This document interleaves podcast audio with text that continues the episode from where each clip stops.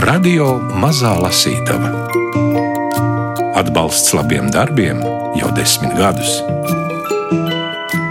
Borisa un Ināras Tetereva fonds. Rainraud. Mm, viņš pats. Viņš pats. Tūkotāja Maima Grīnberga šeit, eh, Maima, mēs jau Reinu Raudu pazīstam, vai ne, no perfektā teikuma nāves. Jā, mēs pazīstam. Un viņš ir bijis arī Latvijā. Jā, viņš ir bijis uz prozas lasījumiem vienreiz un uz abu savu grāmatu prezentācijām. Jā. Bet uh, tad, kad es ieraugu to uzvārdu, man gribas citu vārdu likt priekšā. Eno, Eno tas ir viņa tētis. Un tas ir viņa tētis ar naksītralīšiem, ja? Jā, tas ir viņa tēvs ar naksītrālīšiem. Savukārt pirata rauda ar vismaz četrām latviešu tūkotām bērnu grāmatiņām ir viņa māsa. Tā kā tā ir tāda pilnīgi literāta ģimene. Tā ir literāta ģimene, jo nu pat ir pirmais romāns iznācis piratas dēlam. Mafija. Un literāts bija arī Eno Rauda tēvs. Tā kā tur, tur patiešām ir nu, nu jau tā tad piektā paudze. Rekonstrukcija. Tad, kad es izlasīju to anotāciju uz grāmatas vāka, es domāju, ka tas ir detektīvs. Vai tā ir? Nē, detektīvs ir nākamā. Pa- Pat pēdējā re, Reinrauda grāmata ir detektīvs. Nu, nē, bet patiesībā savā ziņā ir. Vienīgi nu, tas varbūt nav pats svarīgākais šoreiz, ka tas ir detektīvs. Jo spriedzi ir. Dažas lietas atklājas tikai grāmatas beigās. Bet es neliku to uzsvaru uz vārdu det detektīvs stāstot par šo grāmatu. Spriedzi un intriga Ir, ir. ir, nu, tas ir, ir šis elements, bet kas ir galvenais? Uz Gunara aboliņa jautājumu, kas ir galvenais, atbild tūkotāja Maima Grīnberga. Tātad, kas ir galvenais, Igaunijas rakstnieka Reina Rauda romānā Rekonstrukcija. Divas lietas varētu nosaukt par galvenām. Kādas pilnīgi parastas padomju ģimenes tāda sāga. Igauni. Igauni, jā, Igauni, kurā ir. Tā nozīmē, parasts, ka tur ir arī zināms kolaboracionisms parādās. Respektīvi, tie, tie nav ne varoņi, tie nav arī nekādi dzīves pabērni, tāda parasta padomju ģimene.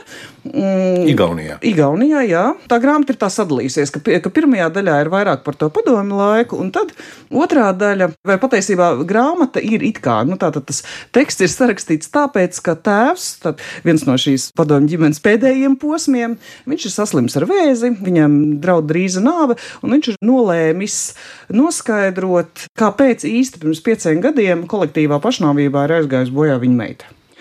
Un, lai to fonu, respektīvi, lai, lai tās meitenes, meitenes dzimusi 80. gados, lai to fonu, kādā ģimenē viņa ir augusi, parādītu, tā tad ir tā padomju daļa. Un tad pēc tam seko mūsdienu daļa. Un tā, tā, tā padomu laiks ir tas, kas ir nu, drusciņš to meitenes domāšanu, veidojis kaut kādas tādu izpratni vai neizpratni par dzīvi, par pieaugušo meliem, nemeliem. Un tad ir mūsdienas, kad eh, pirmkārt viņa aizbrauc uz Parīzi. Tur, nu, es tagad nevaru izstāstīt visu sižetu, vai ne? Bet, eh, bet vārdu sakot, viņa. Ne, jautājums bija ļoti vienkāršs. viņa Kas ir nonāk- galvenais? Viņa nonāk. eh, Divas lietas. Un Tātad šī ir tā otrā lieta, kas viņu ietekmē pēc mūsdienās. Ka- Kas ir tā mūsdienu ietekme? Tātad tur ir zināms reliģijas, kulti, sektas. Tas un vēl šis un tas, kas viņu ietekmē, kāpēc nu, beig, beig galā šī meitene ir tātad aizgājusi bojā, un tēvs mēģina beidzot pats pirms savas nāves uzzināt. Un tas, ko viņš uzzina, tas ir tas, ir tas detektīvs sižets varbūt. Jo tas, ko viņš iztēlojas, ka viņš uzzinās, ne tuvu neatbilst tam, ko viņš uzzina. Patiesībā ir savādāk nekā pirmajā brīdī izskatās. Jā, jā. Ne viss ir tā, kā izskatās. Ja? Jā. Jā, nē, nu to par to nav. Viņš pastāsta jau pirmajā nodaļā. Tā ir arī anotācijā, Tādā ja, ziņā tā to kā- mēs zinām jau sākot lasīt grāmatu, bet un es patiesībā vēl varu lasītājiem ieteikt izlasīt. Santa Remera uzrakstīja brīnišķīgu metatekstu. Es to pat nevaru nosaukt par recenziju. Metatekstu par šo grāmatu, kas bija publicēts interneta portālā Punktum. Tas ir tas retais gadījums, kad tūkotājiem, piemēram, prātā nevar ienākt, ka grāmatu var izlasīt arī tā.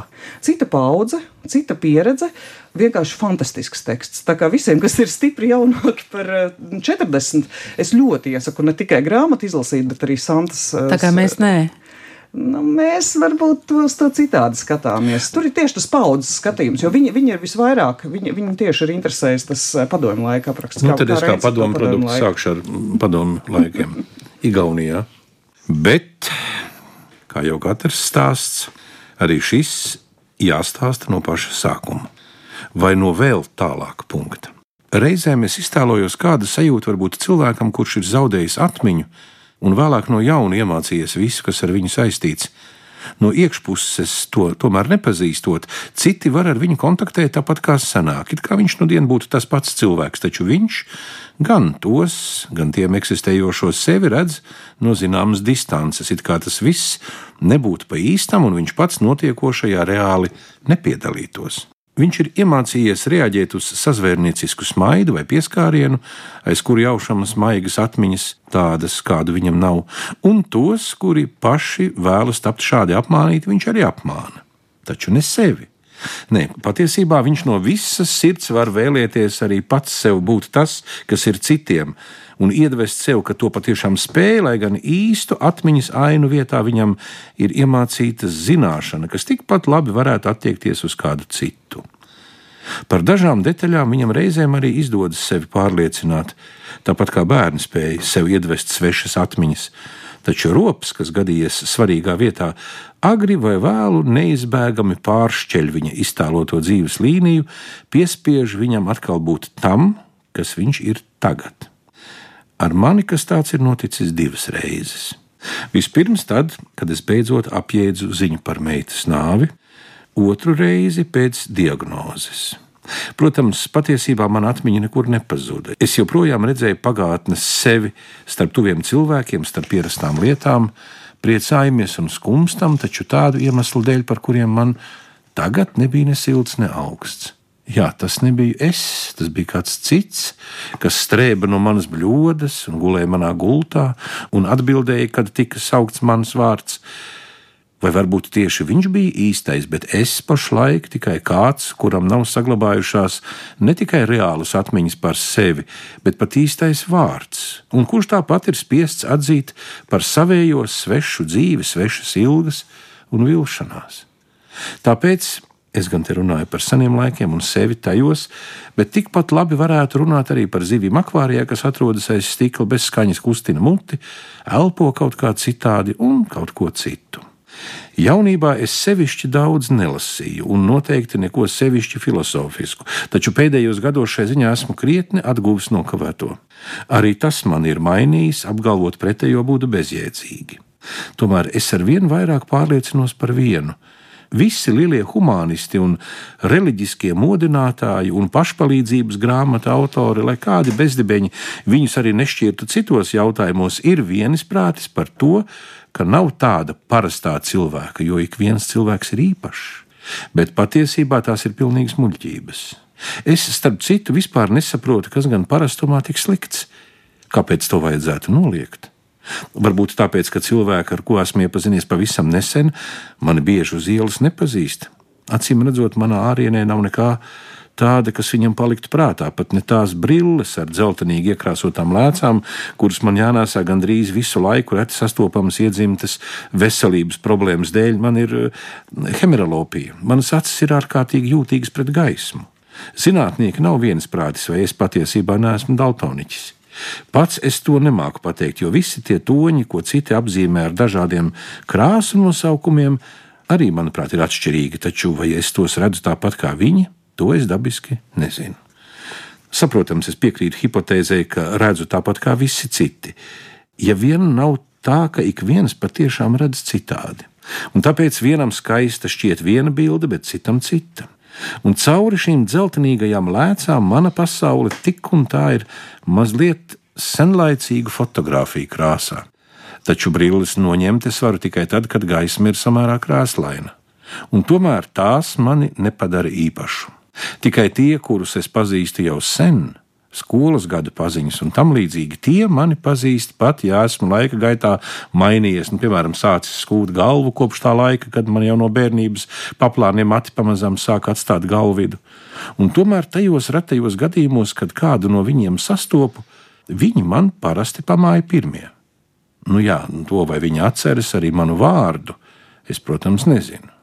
Mans tēvs bija būvinženieris un māte skolotāja, ne brāļu, ne māsu man nav. Mums bija trīs istabu dzīvoklis Mustamē rajonā.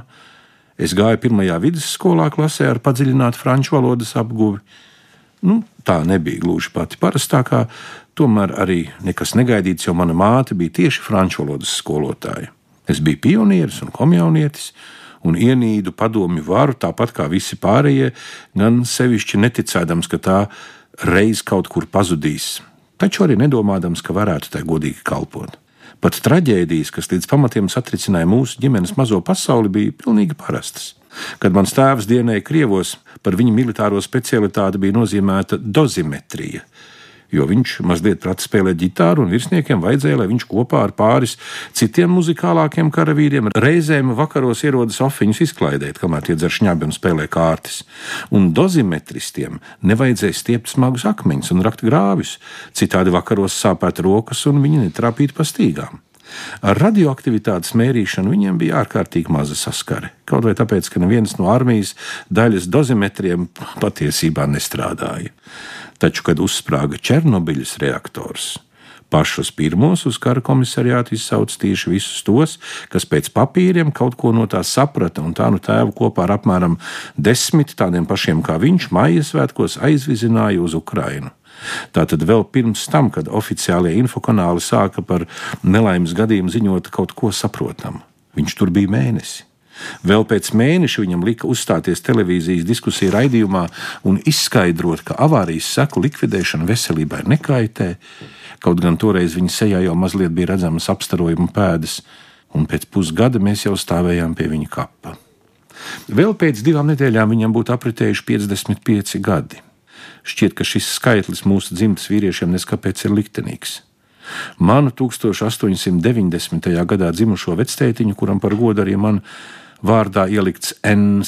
Krievi nošāva kara pēdējās dienās tikai aiz paša muļķības, kā uzskatīja vecmāmiņa. Jo vai tad nu viņam vajadzēja šiem atzīties, ka brīvi runā gan krieviski, gan vāciski, un kamēr pirmais pēc zaldātu domām bija pilnīgi pašsaprotami katrā zemeslodes vietā, kur jau kad solis pēras padomi karavīra zābaks, tikmēr otrs liecināja par naidīgu noskaņojumu. Tēva vecākie brāļi nenodzīvoja ne tik ilgi, abi krita karā, viens krievu, otrs vācu pusē. Nekas ārkārtējs un nav arī mana daļa izjaukt rakstu. Kad es pašlaik skatos uz savu dzīvi, man tomēr jāatzīst, ka visumā tā ritējusi itin gludi. Tiesa, mans jaunības lielākais sapnis nepiepildījās. Teātras fakultātes iestāja eksāmenos, es gan nonācu līdz pēdējai kārtai, taču tālāk vairs ne. Vai tas nozīmē, ka visa man atlikusī dzīve ir bijis vienkārši kompromiss? Arī par ātrās palīdzības šoferi vai pirmo igauni uz mēnesi taču es nekļuvu un nekļūšu arī, kaut gan otrs tituls ir brīvs joprojām.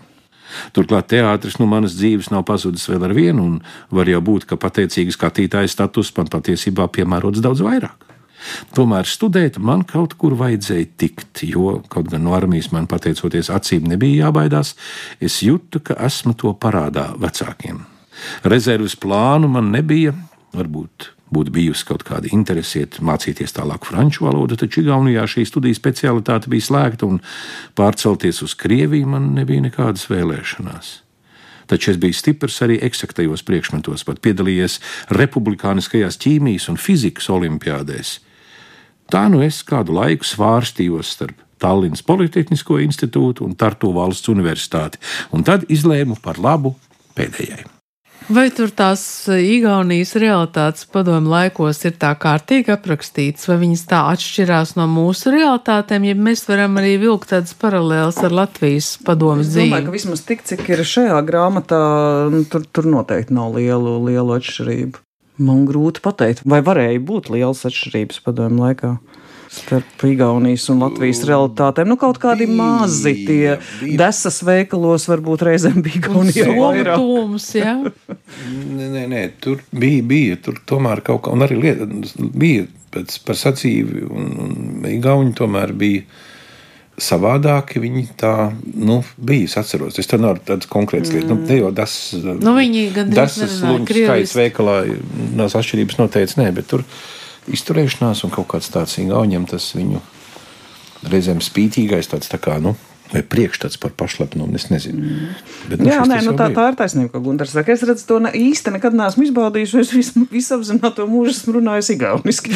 Ar to man nekad nav bijis tās situācijas, ka es mēģinu ar viņiem, teiksim, nu, ko man ir citi cilvēki stāstījuši, ka runā krieviski, ka igaunis vispār neatbild, aiziet pa ielu. Ja igaunim kaut ko vajag, viņš runā arī krieviski. Protams. Tā Īpaši, ja viņš grib kaut ko pārdot, piemēram. Ja? nu, runā, runā, un tas tāds drusiņ tādi klišēji mums priekšstatos par igauniem. Protams, protams. Bet Bet kaut kā pasauli viņa uztver un uztvēra savādāk. Man, man tā kā radīja Igaunijā, nu, setū tur apgabalā, un tad, nu, tartū, setū, tas gals viss tur. Nu, tad mazāk varu un, un setū tur, tas novads tur. Un, jā, tur pa visu to, kā, arī kā lauka cilvēki, viņi tomēr kaut kā savādāk. Nu jā, un teiksim, ziemeļos augšā, nu tur varēja būt tas, ka viņi varbūt bija informētāki par kaut kādām sadzīviskām rietumu lietām vairāk nekā mēs, jo viņi tur mierīgi varēja to Somijas televīziju skatīties jā. Stalinā un vēl, vēl tur drusku, nu, nācīm ne, nu, protams, kaut kāds mazs nianses, ja mums jau arī katrā rajonā savs. Liepājā varēja skatīties Zviedrijas nu, televīziju, reizēm nu. tikai bez skaņas, bet bildi varēja.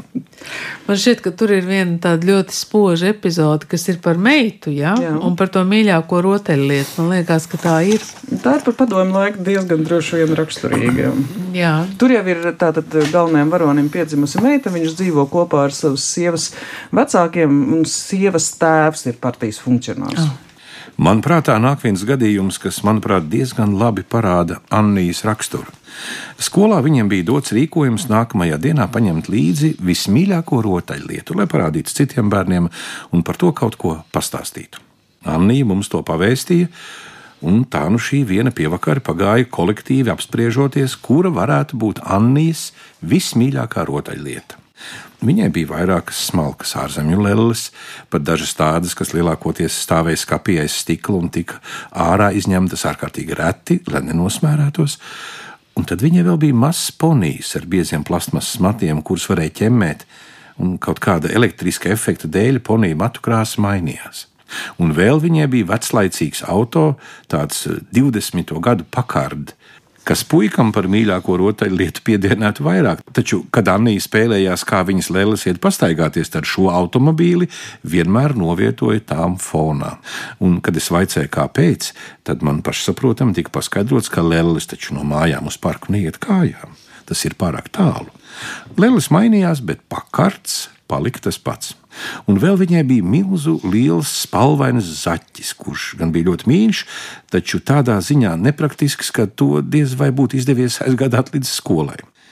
Mēs visi savā starpā sastrīdējāmies, kuru lietu būtu visprātīgāk ņemt līdzi, un nabaga Anī noklausījās. Viņa labprāt būtu paņēmusi visas, jo ik viens no mums slavēja savu mīluli no viņas mantām tik pārliecinoši, ka viņai vienkārši vajadzēja piekrist mums visiem. Beidzot, kopīgā izvēle tomēr palika pie vienas vācu lelles, kas bija pareizajā lielumā, lai ietilptu starp skolas mantām, ārkārtīgi skaisti un liels retums. Tā nu nevienam citam klasē tādas noteikti nebija, un vienlaikus tāda, ar kuru Annija tomēr bija arī mazliet paspēlējusies. Nākamajā rītā sagadījās tā, ka mēs visi bijām nevaļīgi. Ārā lija, un es aizvedu Anniju uz skolu ar mašīnu, lai pats pēc tam brauktu tālāk uz darbu. Automobīlī es vēl jautāju, vai rotaļlieta viņai līdzi. Viņa atbildēja, protams, bet, kad bija nonācis darbā, man visai drīz zvanīja apmulsusi Maire, jo noskaidrojās, ka vācu lelle tomēr ir mājās uz galda. Es izstāstīju, ka Annija man mašīnā bija apliecinājusi, ka viss ir kārtībā. Maija pirmajā rāvienā bija gribējusi aizvest Lelli Annijai uz skolu, tomēr galu galā mēs nolēmām, ka labāk ne.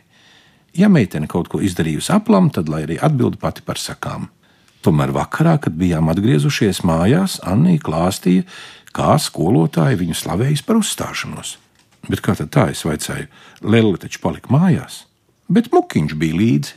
Annija paskaidroja, mukiņš bija apdilis un apķepis porainās gumijas suns, ko viņa jau gadiem bija ņēmusi gultā par čuču zvēru, tāpēc vienai priekšķepai nopietni draudēja notrūkšana.